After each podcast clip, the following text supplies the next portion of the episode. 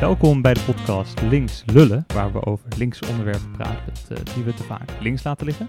Vandaag hebben we een soort van kerstspecial, waarin we een eh, interview doen met een hele bijzondere gast. Ik eh, doe het interview samen met Daphne, die links van mij zit. En op ruime afstand zit Doreen. Doreen is landelijk coördinator volksgezondheid in Mozambique. En dat houdt nogal wat in en daar gaan we het ook vandaag over hebben. Mozambique is een land ruim 20 keer zo groot als Nederland. En Doreen is daar namens het Rode Kruis, het Internationale Rode Kruis moest ik zeggen, eh, dus volksgezondheid coördinator. Wat is dat nou Doreen? Wat doe je daar zoal? Thomas, dank je wel eh, dat ik hier eh, vanavond te gast ben. Wat doe ik nou precies in Mozambique? Ja, dat is wel meteen de goede vraag. Ehm, nou ja, ik zit daar nu al bijna twee jaar. Ik ben daar eerst na de, na de orkaan eh, Idai ben ik daar begonnen. En wij eh, coördineren daar de lokale activiteiten. eh, en dan vooral preventief voor verschillende ziektes. En dat ging dan na de orkaan ging dat vooral voor een cholera-uitbraak. Maar daarna werken wij ook vooral met malaria, HIV en ook nu met het coronavirus. Ehm, en wij werken dan vooral op preventie op eh, buurtniveau door de lokale vrijwilligers eh, van het Mozambicaanse Rode Kruis in eh, actie te zetten. Nou kijk, daar moeten we nog een hoop verder vragen over gaan stellen, want daar kunnen we nog heel veel van leren. Eh Daphne, je bent er ook bij vandaag. Yes, ik ben er ook bij. Ehm, ja, Doreen, ik ben benieuwd. Je zegt, je bent dus daar gekomen twee jaar geleden voor een... toen was er een or- or- orkaan. En nu zit je er nog steeds twee jaar later. en nu inmiddels is er ook het coronavirus. Heeft dat dan ook weer veel impact op problemen die er al waren? Of is dat echt weer dan een nieuw probleem waar jullie dus ook mee te maken hebben? Hoe pakken jullie dat dan aan?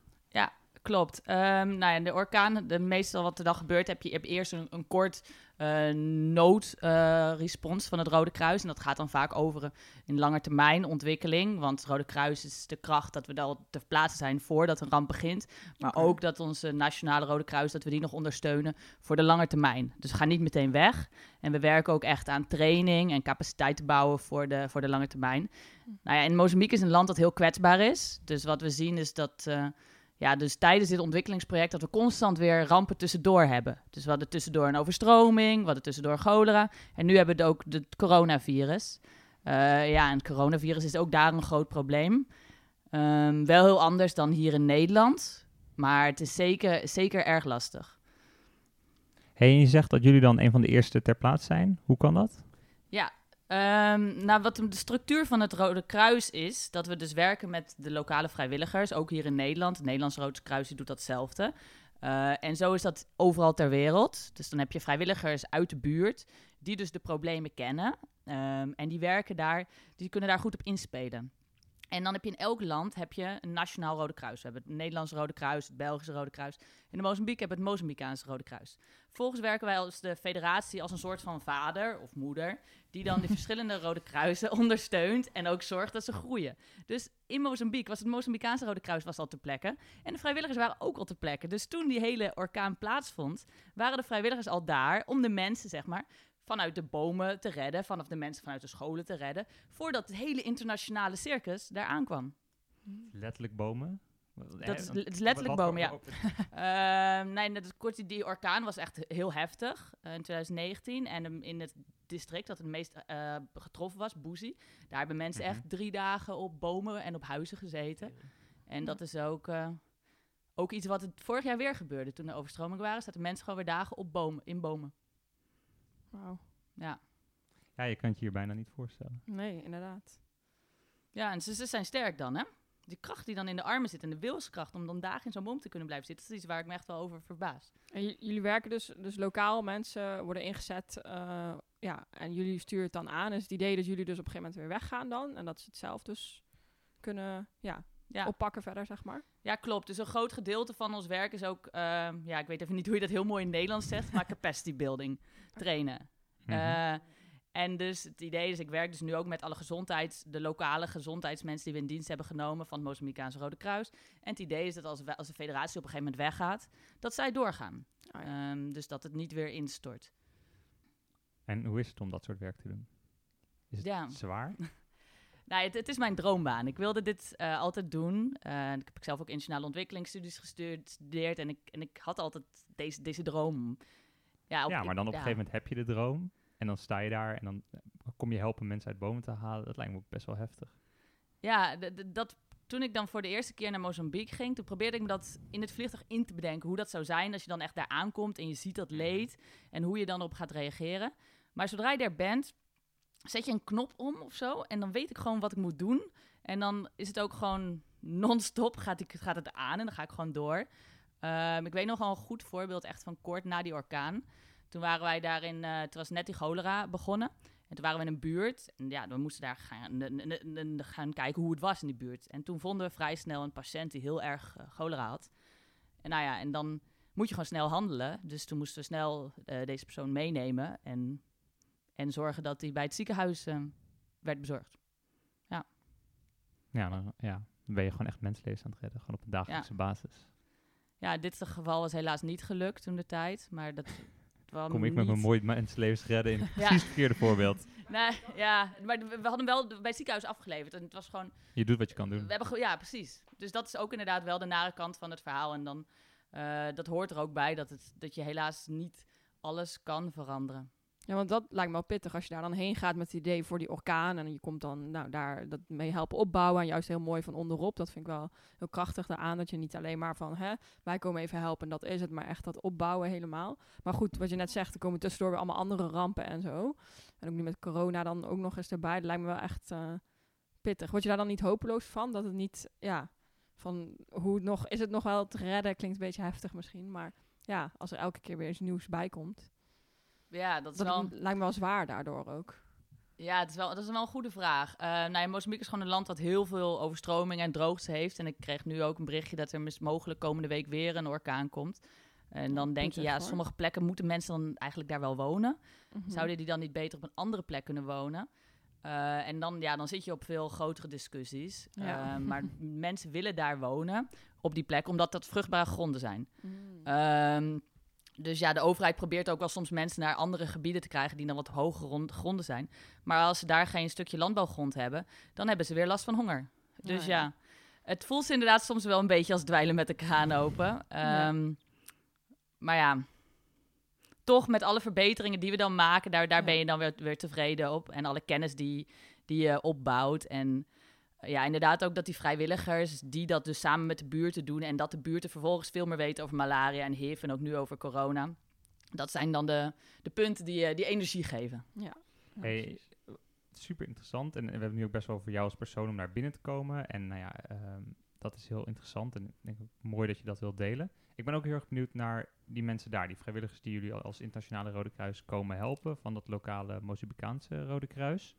Uh, uh, wie zijn dat en, en hoe leid je hun op? Hoe, uh, hoe zorg je dat zij die volgende stap kunnen zetten? Ja, um, ik kan misschien wel een paar persoonlijke voorbeelden geven van mensen. Dat maakt natuurlijk altijd wat, ja, wat dichterbij. bijvoorbeeld toen wij daar kort na IDAI aankwamen, toen waren een aantal vrijwilligers die wij dan uiteindelijk ook selecteerden om dan een supervisor te zijn. Dus die dan een groepje gingen ondersteunen. Zo had je bijvoorbeeld John, maar ook Milka in Campira.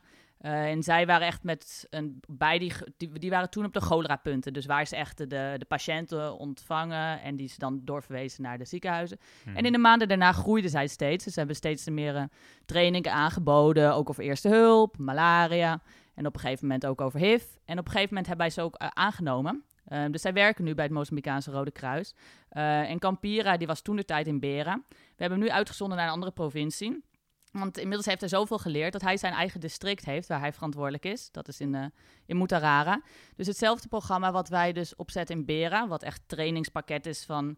Ja, in het Engels heet dat Community-Based Health and First Aid. Dus eerste hulp gebaseerd op de gemeenschap. En dat implementeert hij dan dus nu in een andere provincie. Nou, en als ik dan naar hem kijk, dan ben ik echt wel, echt wel heel trots. Want dat is gewoon een, een jonge uh, gemotiveerde jongen die, die goede trainingen kan geven. Hij heeft veel uh, nieuwe ideeën en hij doet dat nu gewoon in een, ander, een andere plek in het land. En ja, hij groeit. Het is ook wel mooi dat het dan natuurlijk uitspreidt inderdaad die hulp. Dat het ja, breder over het land en...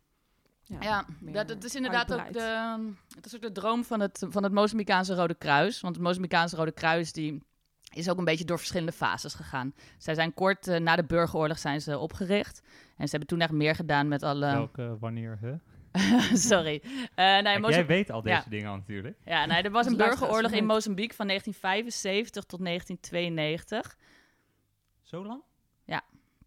vrij heftige burgeroorlog tussen twee partijen, Frelimo en Renamo. En die burgeroorlog was eigenlijk meteen na de onafhankelijkheid met Portugal. Pas in Ehm. 1975 werd Mozambique onafhankelijk. Ja. Jeetje. Ja, Portugal was een van de laatste kolonisten die, eh, die wegging. Zo. Eh, dus het is een vrij recentelijke geschiedenis. Dus je kan bedenken Ja. dat het als land ook wel lastig is om daarvan, daarover heen te komen. Ja. Eh, maar toen is het Mozambicaanse Rode Kruis vrij kort daarna opgestart, opgericht. En eh, ja, die hebben dus nu, die, net voor die orkaan hadden ze een vrij moeilijke periode. En nu willen ze ook dankzij dit project van de federatie, willen zij weer groeien. En dan niet alleen in die Sofala-provincie, die het grootst geraakt was, maar ook echt in het hele land. Eh, dus zij gebruiken dit project gewoon om weer op landelijk niveau een grote speler te zijn. Ook eh, naar het ministerie van Gezondheid toe. Een hele hoop informatie. Waar willen jullie iets over weten? Over de burgeroorlog? Ja, van tevoren had Daphne een hele goede vraag bedacht. Dus misschien was het die nu stellen over hoe ziet nou zo'n dag er een beetje uit? Oh ja. Ja, nu heb jij hem al gesteld, Thomas. Shit, heb ik toch gejat. Dan ga ik hem nog een keer doen. Hoe ziet een dag voor jou eruit? Want inderdaad, je vertelt een hoop informatie, maar ja, wat doe jij nou concreet inderdaad? Ja, dat, eh, dat vind, ik, een- vind ik een hele leuke vraag en een heel moeilijk antwoord.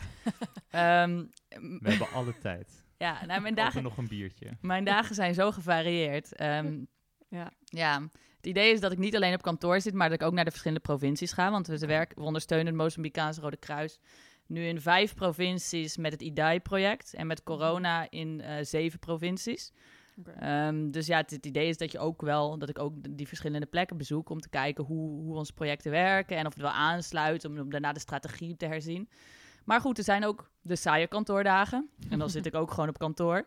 Ehm, maar dan, dan gebeuren er altijd heel veel, heel veel dingen op een dag die ik 's ochtends niet aan zie komen. Oké, Dus het, vertel. ja, d- zoveel verschillende dingen. Ehm, maar ja, we moeten een goed voorbeeld bedenken. Een saaie Ehm, kantoordag blijft dus niet saai. bij ja, mijn sa- saaie konda- kantoordag bestaat niet saai. Als ik echt gewoon rustig iets wil schrijven, dan ga ik soms liever zelfs thuis zitten. Eh, want op kantoordag komt er altijd weer, oh ja, en nu dit. Oké, en een auto. eh, we hebben een training in Boezie en de auto kan niet terugkomen, want het heeft te veel geregend. Eh, wat kunnen we nu dan doen, Doreen? Oh. Oké. Maar aan de andere kant ben ik gewoon met heel veel verschillende dingen bezig binnen het project. Het financiële plaatje, maar ook het logistiek. Eh, we moeten ook heel veel eh, goederen kopen, et cetera. Ehm, verder schrijven we ook allerlei eh, projectproposals. Want het idee is ook dat we fondsen binnenkrijgen om hier op de lange termijn te zitten. Verder heb je trainingen voorbereiden. Ehm, geef jij zelf ook trainingen dan weer aan die vrijwilligers? Die, of aan die mensen, zoals die jongen waar het net over had, die dat weer aan de vrijwilligers geeft? ja, wat we dan doen is altijd inderdaad zo'n zo'n train-de-trainer ehm, Mhm. Model. Dus wij trainen dan onze, de, onze werknemers en die trainen dan de vrijwilligers. En als ik dan training geef, doe ik dat altijd samen met mijn collega's van het Mozambicaanse Rode Kruis. Eh, dat is dan Joachim en Herminia. Dus daar heb ik dan ook een heel eh, direct contact mee. Dus alles wat we doen, dat, dat doen we dan ook samen. Ja. En je bent dus ook veel op reis naar die andere provincie. Want we hadden het net in het begin, zei Thomas, volgens mij, het is wel twintig keer zo groot als Nederland. Voor ons natuurlijk lastig voor. Het is niet dat je eventjes eh, in een uurtje in een andere provincie bent, denk ik. Ja, zomaar. Nee, hoe zoals ik begin dit jaar? Want het corona dat begon ongeveer... Nee, ik kan wel even een heel kort overzichtje van dit jaar. Februari hadden, we, hadden we overstromingen. Toen heb ik een maand in Boezie gezeten om daar noodhulp te geven. En toen was ik daar amper van terug. En toen moest ik even naar Maputo, want we begonnen met de coronavirus trainingen. Maar ik was ook alweer onderweg naar Nampula, want daar hadden we cholera. Dus dat was allemaal maar, februari, maart. Het ging heel snel. Jeetje. Ehm, en in de tussentijd waren we ook bezig met mensen aannemen. Want we moesten ook gewoon nog mensen aannemen. Dus wat sollicitatieprocessen en, en zo. En toen, nou ja, in mei en zo hebben we even niet gereisd. Toen hebben we het even op stop gezet. Toen was het met coronavirus toch wel erg spannend. Maar toen moesten we ook weer gaan trainen. En daarna vanaf juli, augustus, toen heb ik echt zoveel gereisd. Eh, en dat ook in afstanden. Dus we gingen van Ja. Bera naar Kaya. Nou, dat is negen uur op een hobbelweg. Zo, ja, want dat is ook iets anders dan hier even met de snelweg Ja. waarschijnlijk. eh. Ja, nee, dat, eh, dat was een goede hobbelweg met veel aapjes op de, onderweg. Het was wel veel een hoop te zien. Maar Ja. toen zaten we in Kaya en toen van Kaya gingen we dan naar Morumbala, naar Marganje da Costa. En dan heb je het wel over afstanden van 7, 8 uur eh, per dag. Ja. dat is best, Dus dat... eh, Hey, en even over dat coronavirus inderdaad, want dat, daar leven we nu allemaal middenin. Ehm hoe is dat in Mozambique gegaan? Want je zei net in februari was je met heel wat anders bezig. En dan kom, overkomt dit je natuurlijk ook nog een keer extra erbovenop. ja. Hoe is dat een beetje gegaan? En, en hoe is het überhaupt in Mozambique met het coronavirus? Ja, in januari zijn we begonnen met een eh, rampenplan te schrijven. Met een paar Dat was collega's. wel op tijd eigenlijk. Ja, nou, toen wij dat deden, vond iedereen het belachelijk. En toen stelde ik voor om vast te beginnen met training. En toen werden we wel een beetje uitgelachen. Eh, maar goed, dat is achteraf praten. Dus toen, eh, de echte trainingen begon meer vanaf maart, april. Dus toen hebben vrijwilligers getraind. En die vrijwilligers gingen dan verschillende activiteiten doen op buurtniveau. Wat de kracht van het Rode Kruis. Eh, en die dan dan handwasplekken, waar ze dus uitlegden dat het belang van handen wassen. Maar ook gewoon dat te faciliteren en ook het, de- het schoonmaken van, de, van publiek transport. Maar ook gewoon met eh, informatie verstrekken in de buurten. Dat gaat echt wel meer op huis, eh, bez- eh, huisbezoeken. Eh, maar ook met megafoon, zodat er minder interactie was. Ja, verder heeft Mozambique vrij snel gehandeld. eh, ten opzichte van sommige andere landen was het echt, eh, voordat het eerste geval bevestigd was, was al de noodsituatie uitgeroepen. Ja, dat was dan maart, april. En de mondkapjesplicht, dat was ook best wel direct. Dat iedereen met mondkapjes moest overal. Ook buiten. Ook op straat. Ook op straat. En eh, wel stoffen mondkapjes hoor. Ja. Ja, dus dat, eh, dat waren ze wel snel in. En toen verwachten wij Nog gewoon... Even, nog even hoor, want over de kwaliteit eh, van wat dan toch gebeurt. Ik bedoel, jullie komen met megafoon informatievoorziening doen daar. Ja. Handenwastraining. Ik heb je wel eens die handenwastraining zien horen doen van vijf minuten en alle kanten en achter je pols en noem het allemaal op. Dat hebben wij hier echt nog nooit gehoord. Nee, ja, Rutte heeft één keer voorgedaan, toch? Van hoe je handen moet wassen. Nou, één keer Rutte of tien keer Doreen. Ja, en het, het handen wassen, dat verbaas ik me over het algemeen over. Dat ze dat al sowieso veel meer daar deden voor cholera. Eh, want heel veel maatregelen die we nu ook met corona eh, hebben, die, die zijn best wel hetzelfde als met cholera-activiteiten. Mm. Ja, dat is gewoon een ziekteverspreiding tegengaan natuurlijk. Ja, precies. Ja. Ehm, maar goed, Ja, dus het, eh, het, het werd op tijd een noodsituatie uitgeroepen. Ja. Iedereen loopt met mondkapjes. Wanneer zijn we dan ongeveer? nou, ja, dat was dan eh, de mei. En toen was ik echt, ik was echt bang. Want in, hier in Europa ging het onwijs los. En hele ho- hoge Ja. gevallen. En ik dacht, ja, dit moeten we in Mozambique niet hebben. Want de, de capaciteit van de, de ziekenhuizen is nihil. Eh ventilatoren, bedden, nou ja. Ja. Ja, dus ik zag echt wel een situatie voor me dat, dat mensen massaal zouden, zouden overlijden. Eh, en ik, op een gegeven moment keek ik ook naar onze werknemers, dat ik dacht van nou, ik weet niet wie hier straks nog rondloopt. En ik weet niet of ik een goed, goed keus neem om jou eh, deze activiteit te laten doen. Nemen Ja. wij niet onverstandige risico's? Ehm, maar toen, toen bleef het uit of zo. In ieder geval de grote getallen zoals we in Europa en andere delen zagen, die zijn niet in Mozambique op deze manier naar voren gekomen. Eh, en nog steeds niet. Dus dat is iets wat ik niet zo heel goed begrijp. Kijk, dus het is natuurlijk de testcapaciteit is anders. Ja, de testcapaciteit is, is ja. niet bestaat niet. Ja. Ja, Je kunt daar dan- niet ja, even eh, de, G- de GGD, de Mozambicaanse GGD bellen en een nou, test laten ga jij even proberen het Nederlandse GGD te bellen. Ja. Dat gaat ook niet heel makkelijk. Nee, dat is waar. Nee, maar ja, als het een week, als het zeven dagen duurt voordat je een test hebt, of je woont in de middle of niks en je testresultaat dat komt Ja. überhaupt niet, Ja, dat... eh, dan kan je daarna ook niet de contacten gaan nazoeken. Dus Nee, precies. ja, en als een hele grote stad, een stad ter grootte van Amsterdam, één, eh, één, één vervoersmiddel heeft om alle contacten na te gaan, ja, dan snap je wel dat, het, eh, Nee, dat dat de doen. getallen niet waar zijn. Ehm, dus maar ja. je ziet dus, ja, dat is, maar je ziet dus ook niet, niet dat er daar dus heel veel mensen overlijden nu in Mozambique. Of in ieder geval niet. Ja, dat is een beetje het moeilijke. Ja. Want Mozambique heeft dus niet, ehm, zoals we dan in Nederland hebben, dat je gewoon kan kijken hoeveel de vorig jaar, wat de sterftecijfers waren van vorig jaar. Want die zijn er niet. Mm. Ehm, dus er gaan heel vaak heel veel mensen dood, eh, overlijden op het, in de buurt. En die zijn nooit geregistreerd. Hmm. Dus dat zie je ook met bijvoorbeeld met cholera. Toen ik daar dan in maart eh, was, toen ging ik naar een buurt. En officiële getallen zeiden dat er, dat er niemand was overleden. Onofficieel, vertelden ze me, gingen we gewoon per dag tellen. En kwamen we tot de conclusie dat er in een week 20 mensen waren overleden. Zo. En dat is nergens geregistreerd. Nou ja. Dus ja, dit zijn zulke rurale afgelegen gebieden waar gewoon niemand weet wat er gebeurt. Ja, Dus dus dat is eigenlijk moeilijk te zeggen in hoeverre het virus in Ja. Mozambique nu toe heeft geslagen. al. Ja, precies. Je hebt ook wel van die onderzoeken van de, ser- de seropositiviteit natuurlijk. Ehm dat is een, gewoon een... een- We kijken ja. je allebei met hele grote ogen aan. Leg eens uit. Zero positiviteit. Ja, nee, je hebt op, op, dat heb je in Nederland, werd dat ook wel gedaan. Maar gewoon dat ze gingen Sorry testen. hoor, ik lees ook wel eens een boek of iets. Ja, ik zit niet de hele tijd corona in te lezen. Jij weet hier Nou alles ja. van. Drie- Wat is zero positiviteit? Nou, je gaat dan testen over of, wat het aantal mensen die het dus de- met, die, met die snelle testen hebt. Dan ga je kijken of hoeveel mensen het gehad hebben. Hmm. Dus dan doe je Oh. een sneltest en dan pak je gewoon een, eh, een gedeelte van de bevolking en dan ga je kijken hoeveel procent het heeft gehad. Dan heb je een idee. Eh, ja, dan heb je het wel over 5 à 6 procent per grote stad die het gewoon gehad heeft. Dus dan weten we wel dat alle getallen van de test, officiële test, gewoon nergens op slaan. Ja, ja. Mhm. Ja, dus het is, het is voor mij ook een raadsel. Ehm, en ik maak Ja, me en vooral ook, ja... Ja, maak je inderdaad ook nog zorgen dat het nog komt, de grote... Ja, precies. Dat, daar- ja, nog. dat, ik maak me zorgen over dat er misschien een stille ramp gaande is, dat we het niet Ja. weten.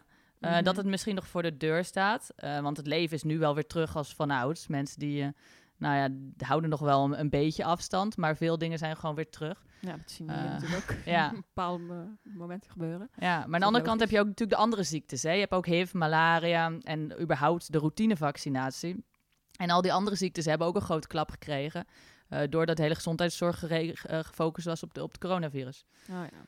Ja, want daar wil ik het ook nog over vragen inderdaad. Ehm, wat is de impact van andere landen die allerlei keuzes maken? Hè? Op een gegeven moment ging Italië op slot. En misschien hadden jullie ook wel medewerkers uit Italië of uit andere eh, landen.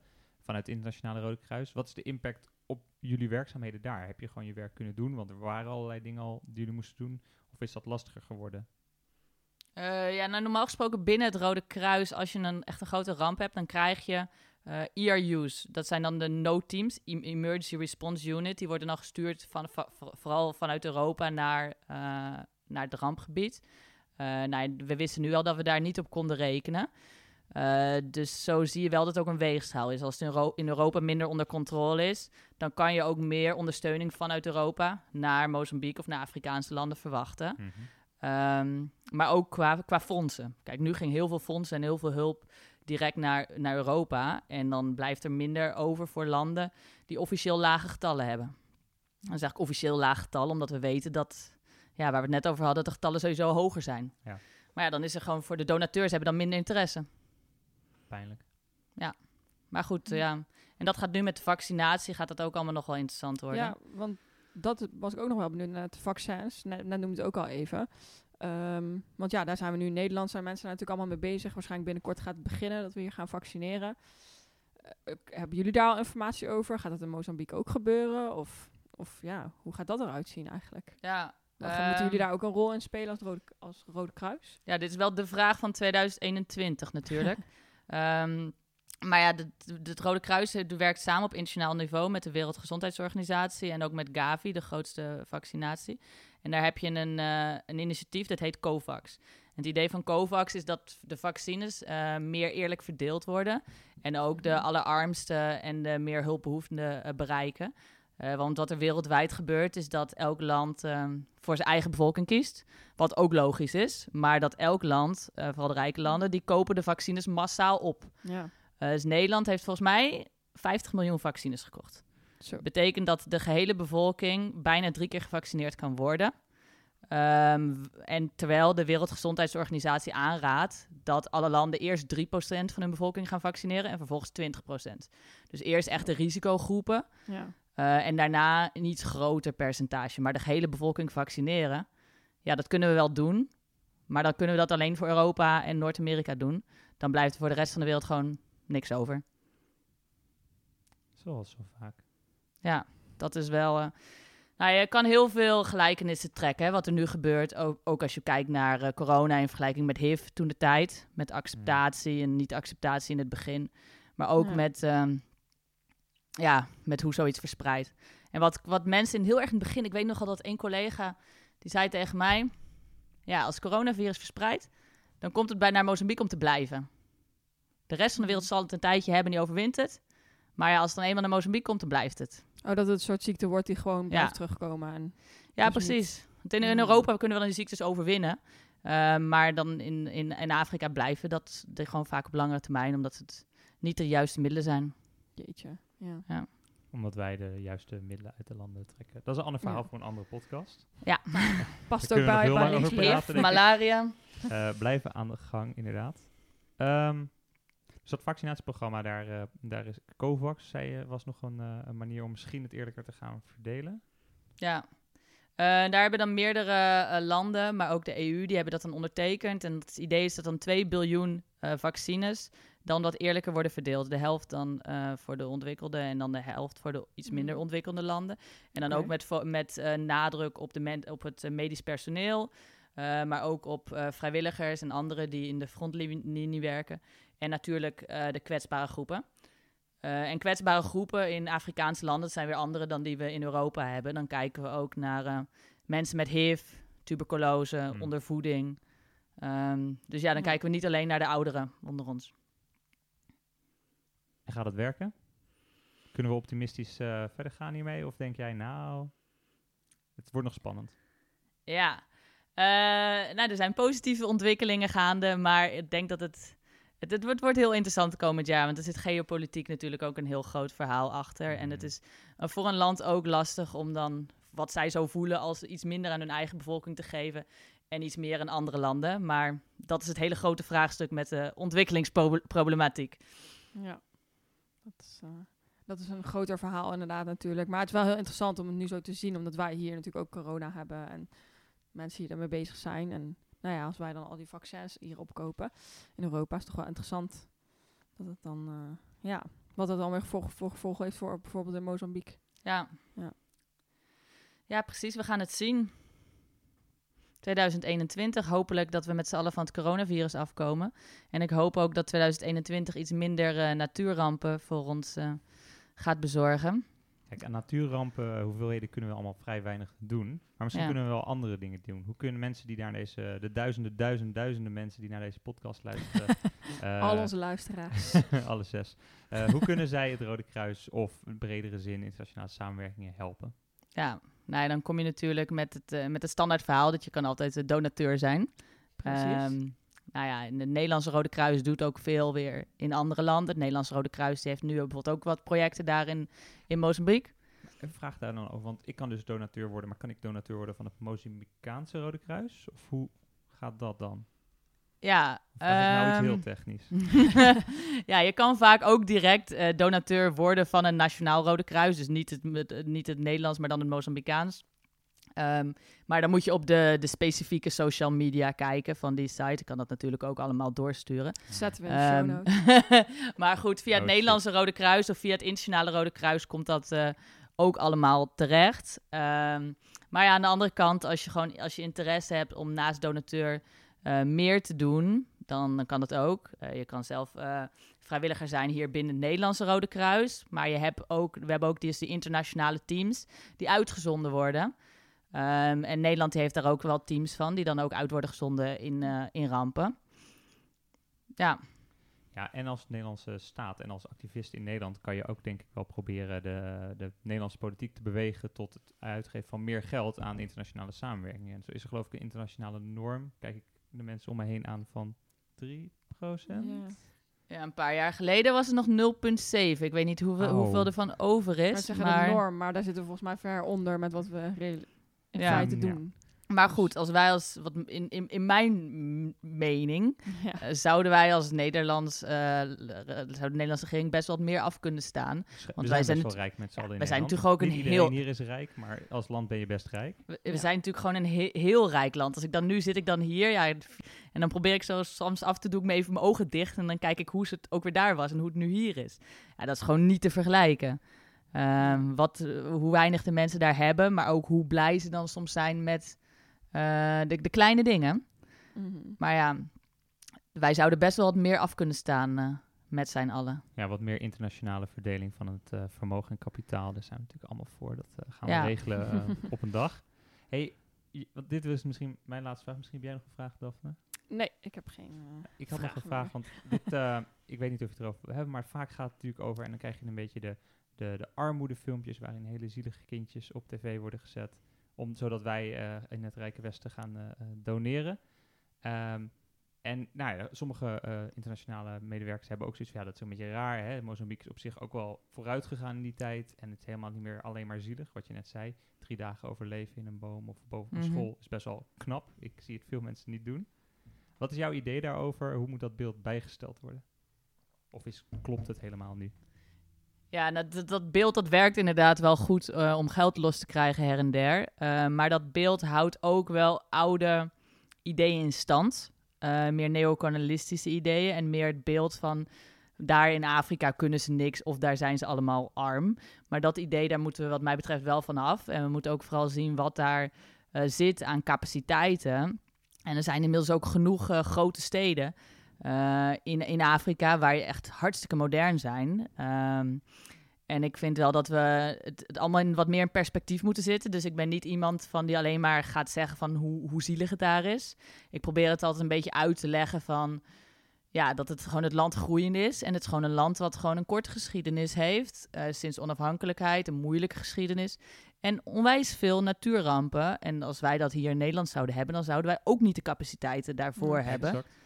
Eh, en ik probeer ook vaak wel te kijken naar hoe veerkrachtig de bevolking is. Ehm, ja, ik vind vooral dat bijvoorbeeld eh, een mooi voorbeeld is dan kort na de orkaan, waar overal waren daar omgevallen bomen. Nou ja, dan zou je toch denken dat iedereen overal zit te huilen in een hoekje. Eh, maar ja, de, de kinderen die waren gewoon aan het springen op die bomen, want het was een hartstikke leuk speeltuig.